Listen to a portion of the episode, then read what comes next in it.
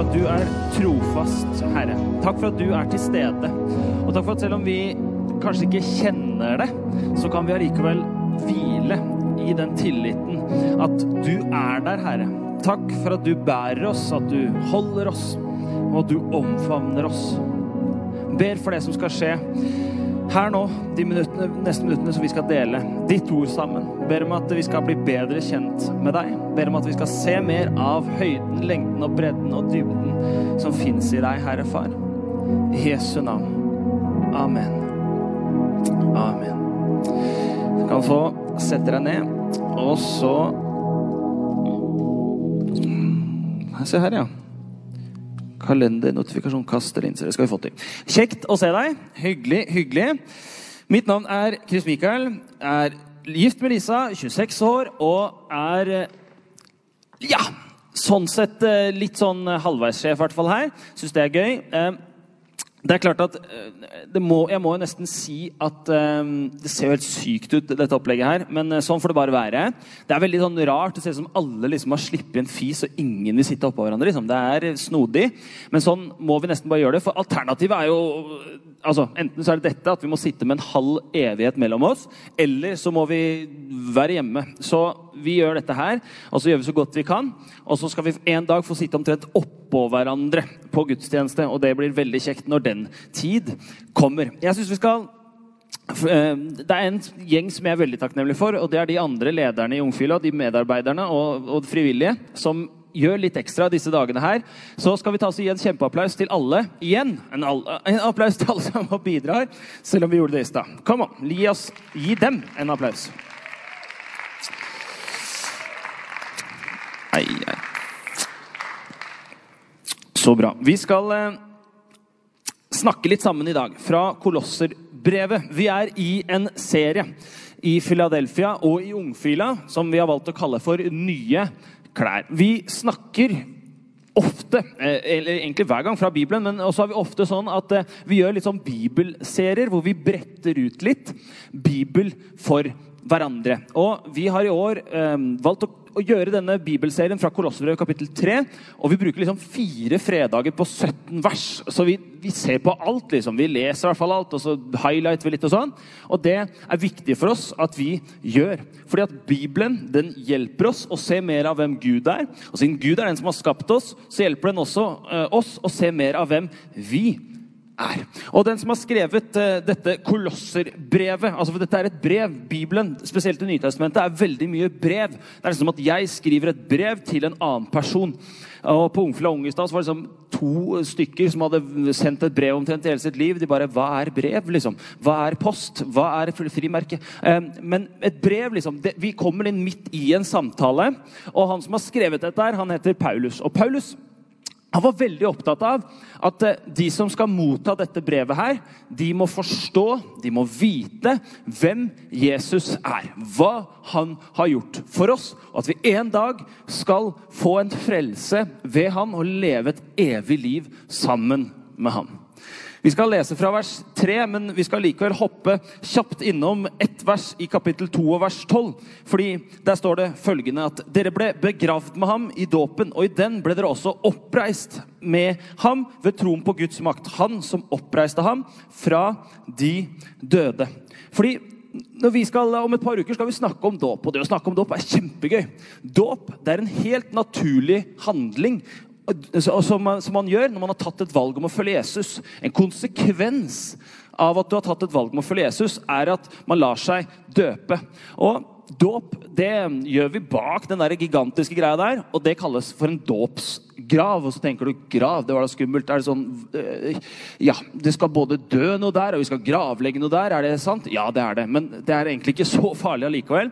For det er et, sånn sett et bilde. For det man gjør i dåpen, det er at man blir duk, dukket, dukket, dukket. Man dykker under, i hvert fall. Man blir dratt under med hele seg.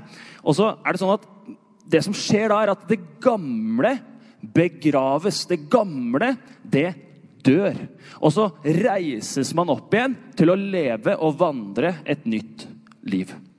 Og Det igjen, det å la seg døpe det er en naturlig handling å gjøre hvis man har tatt et valg å følge Jesus. Og Når vi gjør det, så skal som sagt noe skal dø. Og det er jo ja, er ikke det farlig? liksom? Er ikke det kjipt? Nei, det er egentlig veldig bra. det. For når noe blir borte, så kan man putte på noe nytt. Når noen klær, når noen ting blir borte, så kan man ta på seg noen nye ting. Og det er det vi snakker om disse ukene sammen i Ungfila. Hva skal bli borte, og hva skal bli nytt? Hva skal vi kvitte oss med? Hva skal dø i oss? Og hva skal få vokse fram og leve i oss? Sist uke så snakket vi gjennom vers 1 til 4, og vi skal dra for oss fra vers 5 til 11 i dag. Og det her er litt som en sånn norsktime. I norsk så lærer man at verb det er, eh, det er preteritum, det er fortid, det er presens, nåtid, og så er det det kuleste futurum. Futurum fremtid. Altså noe den gang da, hver gang når. Altså, er det noen som har, har, har den regla fortsatt på videregående eller ungdomsskolen? og sånn? Sant? Den gang da, hver gang når. Altså det, da skjedde det noe. Når skjer det noe? Altså fortid, fremtid. Og dagens tekst peker på liksom disse tingene her. Hva fra vår fortid skal vi bli kvitt? Hva skal være fokus i vår nåtid? Og hva skal være vårt fokus i vår fremtid? Og Vi starter med fortiden og leser fra vers 5. Og det går rett på sak, så hold fast setebeltene og hattene og hele greiene her. For at overgi derfor deres jordiske lemmer til døden. Hor, urenhet, syndig begjær, ond lyst og grådighet som er avgudsdyrkelse. På grunn av dette kommer Guds vrede over ulydighetens barn. I disse syndene vandret dere selv før. Kan du si før? Og så kan du få si da. Da. Før. Da. Dere levde i dem. Men nå. Kan du si nå? Nå skal, vi, skal dere legge av alt sammen. Sinne, vrede, ondskap, bespottelse og skittent snakk. Altså, Vi skal legge igjen noen ting. Vi skal legge igjen det gamle. Vi skal legge igjen vår fortid. Det er det første vi skal se på i kveld. Vi mennesker, vi er ånd, og vi er sjel, og vi er kropp. Og Når vi tar et valg om å følge Jesus, så er det sånn at det er først og fremst vår ånd som blir ny. Det er ikke sånn at man kommer inn et sted, og så tar man et valg om å følge Jesus. Så går man ut og så ser det på utsida bare sånn Wow, hva har skjedd med deg? liksom? Nei, det er først og fremst et valg som får en konsekvens for det indre livet. Og Så skal vi se på seinere at det får noen konsekvenser for det ytre livet vårt. Men først og fremst er det sånn at når vi tar et valg om å følge Jesus, så skjer det noe på innsiden av oss. Og så handler egentlig resten av kristenlivet om å oppdage det miraklet som har skjedd på innsiden av oss. Det er at noe har dødd. Vår fortid er forbi. Det som en gang var, skal ikke lenger få være en del av oss. Ja, men Er det sånn at alt fra fremtiden vår liksom skal, eh, skal, bli borte? Nei. Altså, altså, Det er ikke sånn at nødvendigvis man levde et sånn veldig dårlig liv før man valgte å følge Jesus. Det fins mange mennesker Jeg har selv venner som, er, som enda ikke har tatt et sånt valg og sier 'jeg tror på Jesus', men som er likevel noen av de beste menneskene jeg kjenner. Så det er ikke nødvendigvis sånn at man lever et dårlig liv med Jesus, men livet ditt både her på jorden og i evigheten blir mye bedre om du har valgt å gi livet ditt til Jesus og la han få gjøre noe på innsiden av deg. For troen, det er Guds gave. Det skjer ikke av gjerninger. Det skjer, altså, vi får ikke gjort noe for å få troen. Det er fordi at ingen skal roses, rose seg av det. Altså fram til vi tar det valget om å følge Jesus. Fram til vi sier 'Jeg har lyst til å tro' så har vi ikke så veldig mye vi skulle ha stilt opp med. Men fra det punktet hvor vi sier 'Jeg velger å gi livet mitt til Jesus', så er det noen ting som vi skal få gjøre. En av de tingene det er at vi skal få gjøre følgende. Og Det står i en engelsk oversettelse at 'anyone who intends to come with me'. Altså enhver som har lyst til å komme til Jesus, 'has to let me lead'. Altså må få la Jesus få lede. Det er ikke sånn at du lenger 'you're not in the driver's seat'. I am. Vi må dø fra oss selv. Vi må dø fra det å være sjef i eget liv, og så må vi gi Jesus rattet. Vi må gi Jesus kontrollen til å styre hvor vi skal i livet vårt.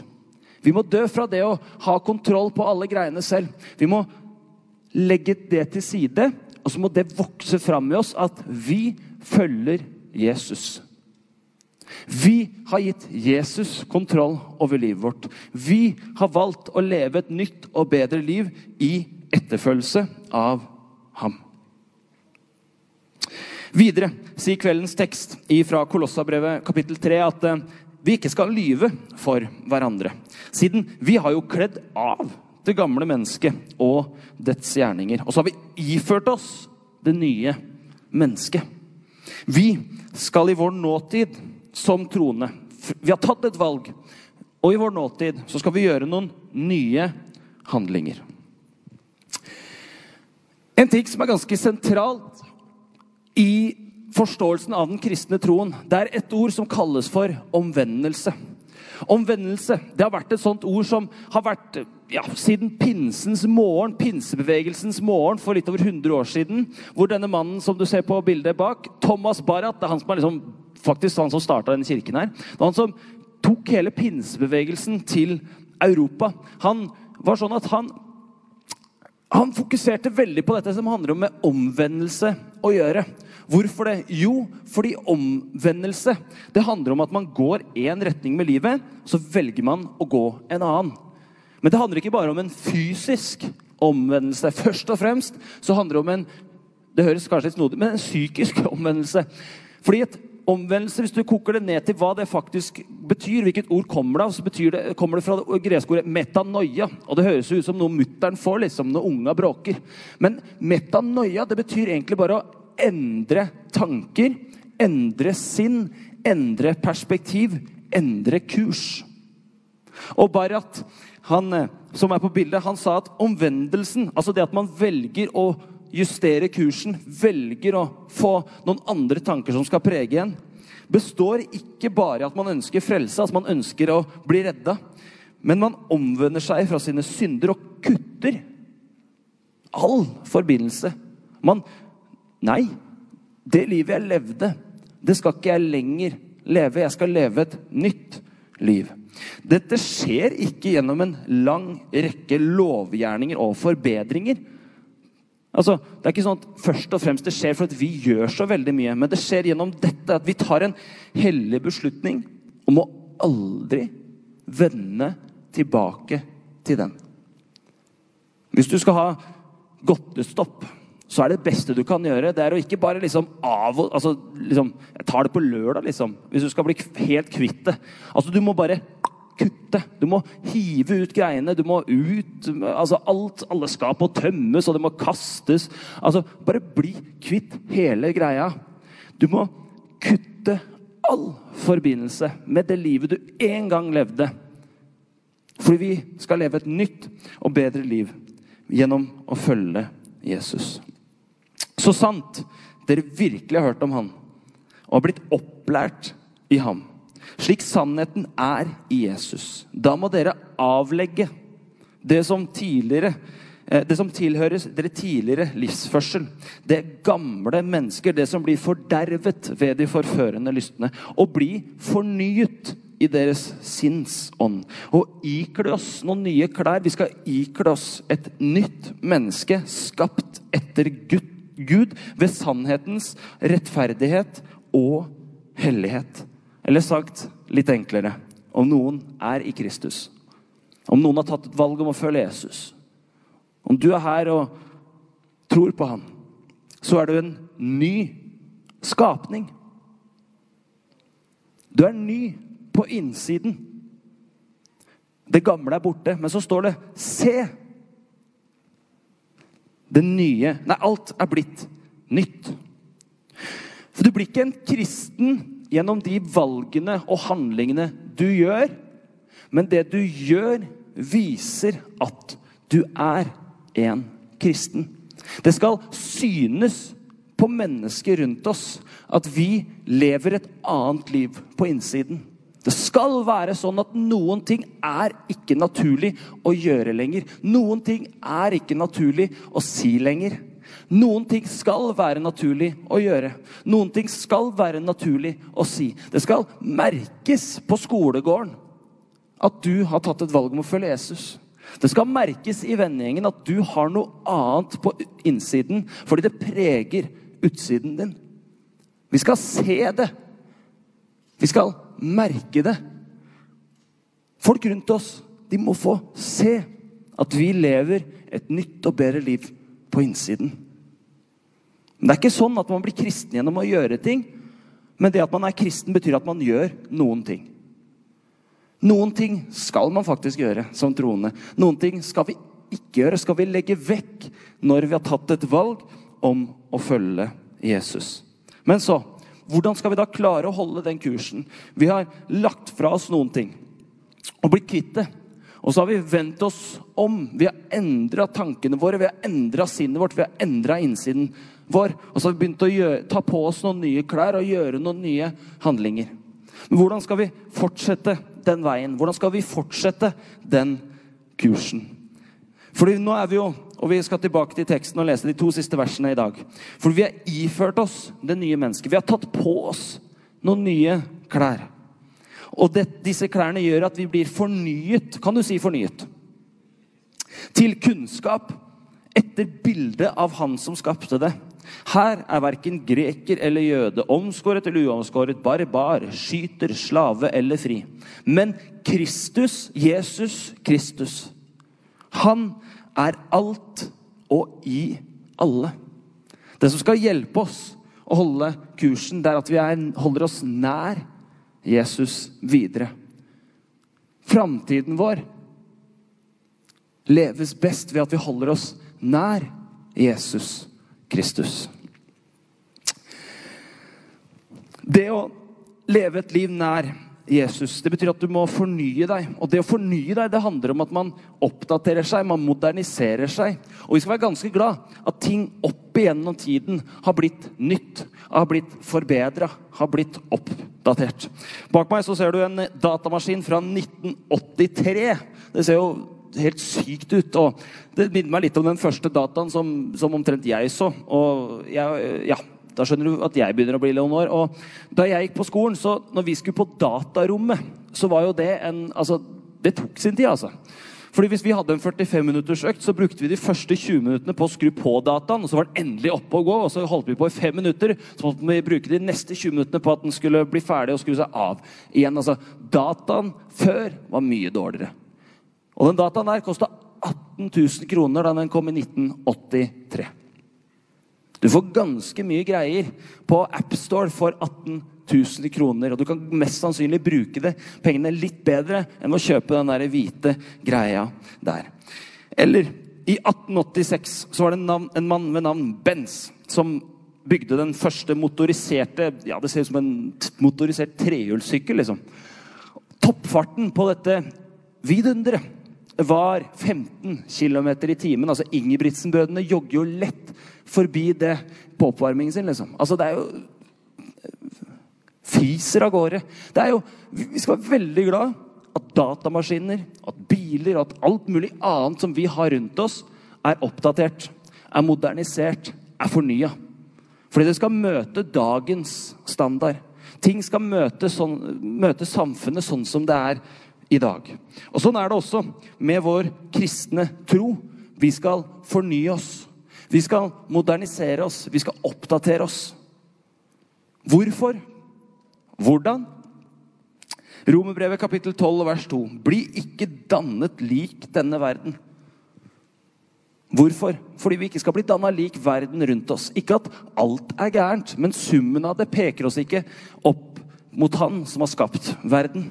Derfor må vi bli forvandla ved fornyelsen av vårt sinn, så vi kan prøve det som er Guds gode, velbehagelige og fullkomne vilje. En kirke i Bergen som heter Bergen frikirke, har skrevet en sang med følgende bridge, eller ja, hva det enn kalles. Jeg vender om. Altså, jeg velger å vende om livet mitt. Jeg velger å ta et valg om å følge Jesus. Og da vil vi at Jesus kom, forny mitt sinn. Ta mitt stolthet. Ta det som kan ødelegge for meg i møte med deg. Og så gi meg ditt syn på alle ting. Kom og forandre meg, sånn at jeg blir mer lik deg.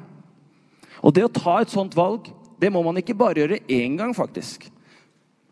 Eller det å tro, det å velge å legge av det gamle, det gjør man en gang. Men det å velge å fortsette å følge Jesus, Det må man gjøre hver eneste dag. Om noen vil komme etter meg, sier Jesus selv, må han fornekte seg selv og daglig ta opp sitt kors og følge meg. Det er litt som at du må stå opp på senga hver dag. Altså, du kan våkne, men du må jo fortsatt ut av senga hver eneste dag. Det valget må du ta hver dag. Og det valget om å følge Jesus må du også gjøre hver dag. Og personlig, for oss i hjemmet vårt, så er det sånn at vi prøver så godt vi kan og hver eneste dag å starte med å lese litt i Bibelen, skrive noen tanker, be en bønn for den dagen. Og så ber vi også for vennene våre, for ungfila, for kirken og, og ting.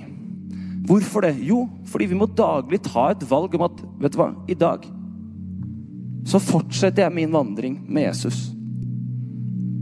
For i den kristne troen så er det enten sånn at ting vokser eller ting avtar. Det er ikke noe på stedet hvil. Og vi har valgt å prøve å vokse i vår tro, i vårt hjem.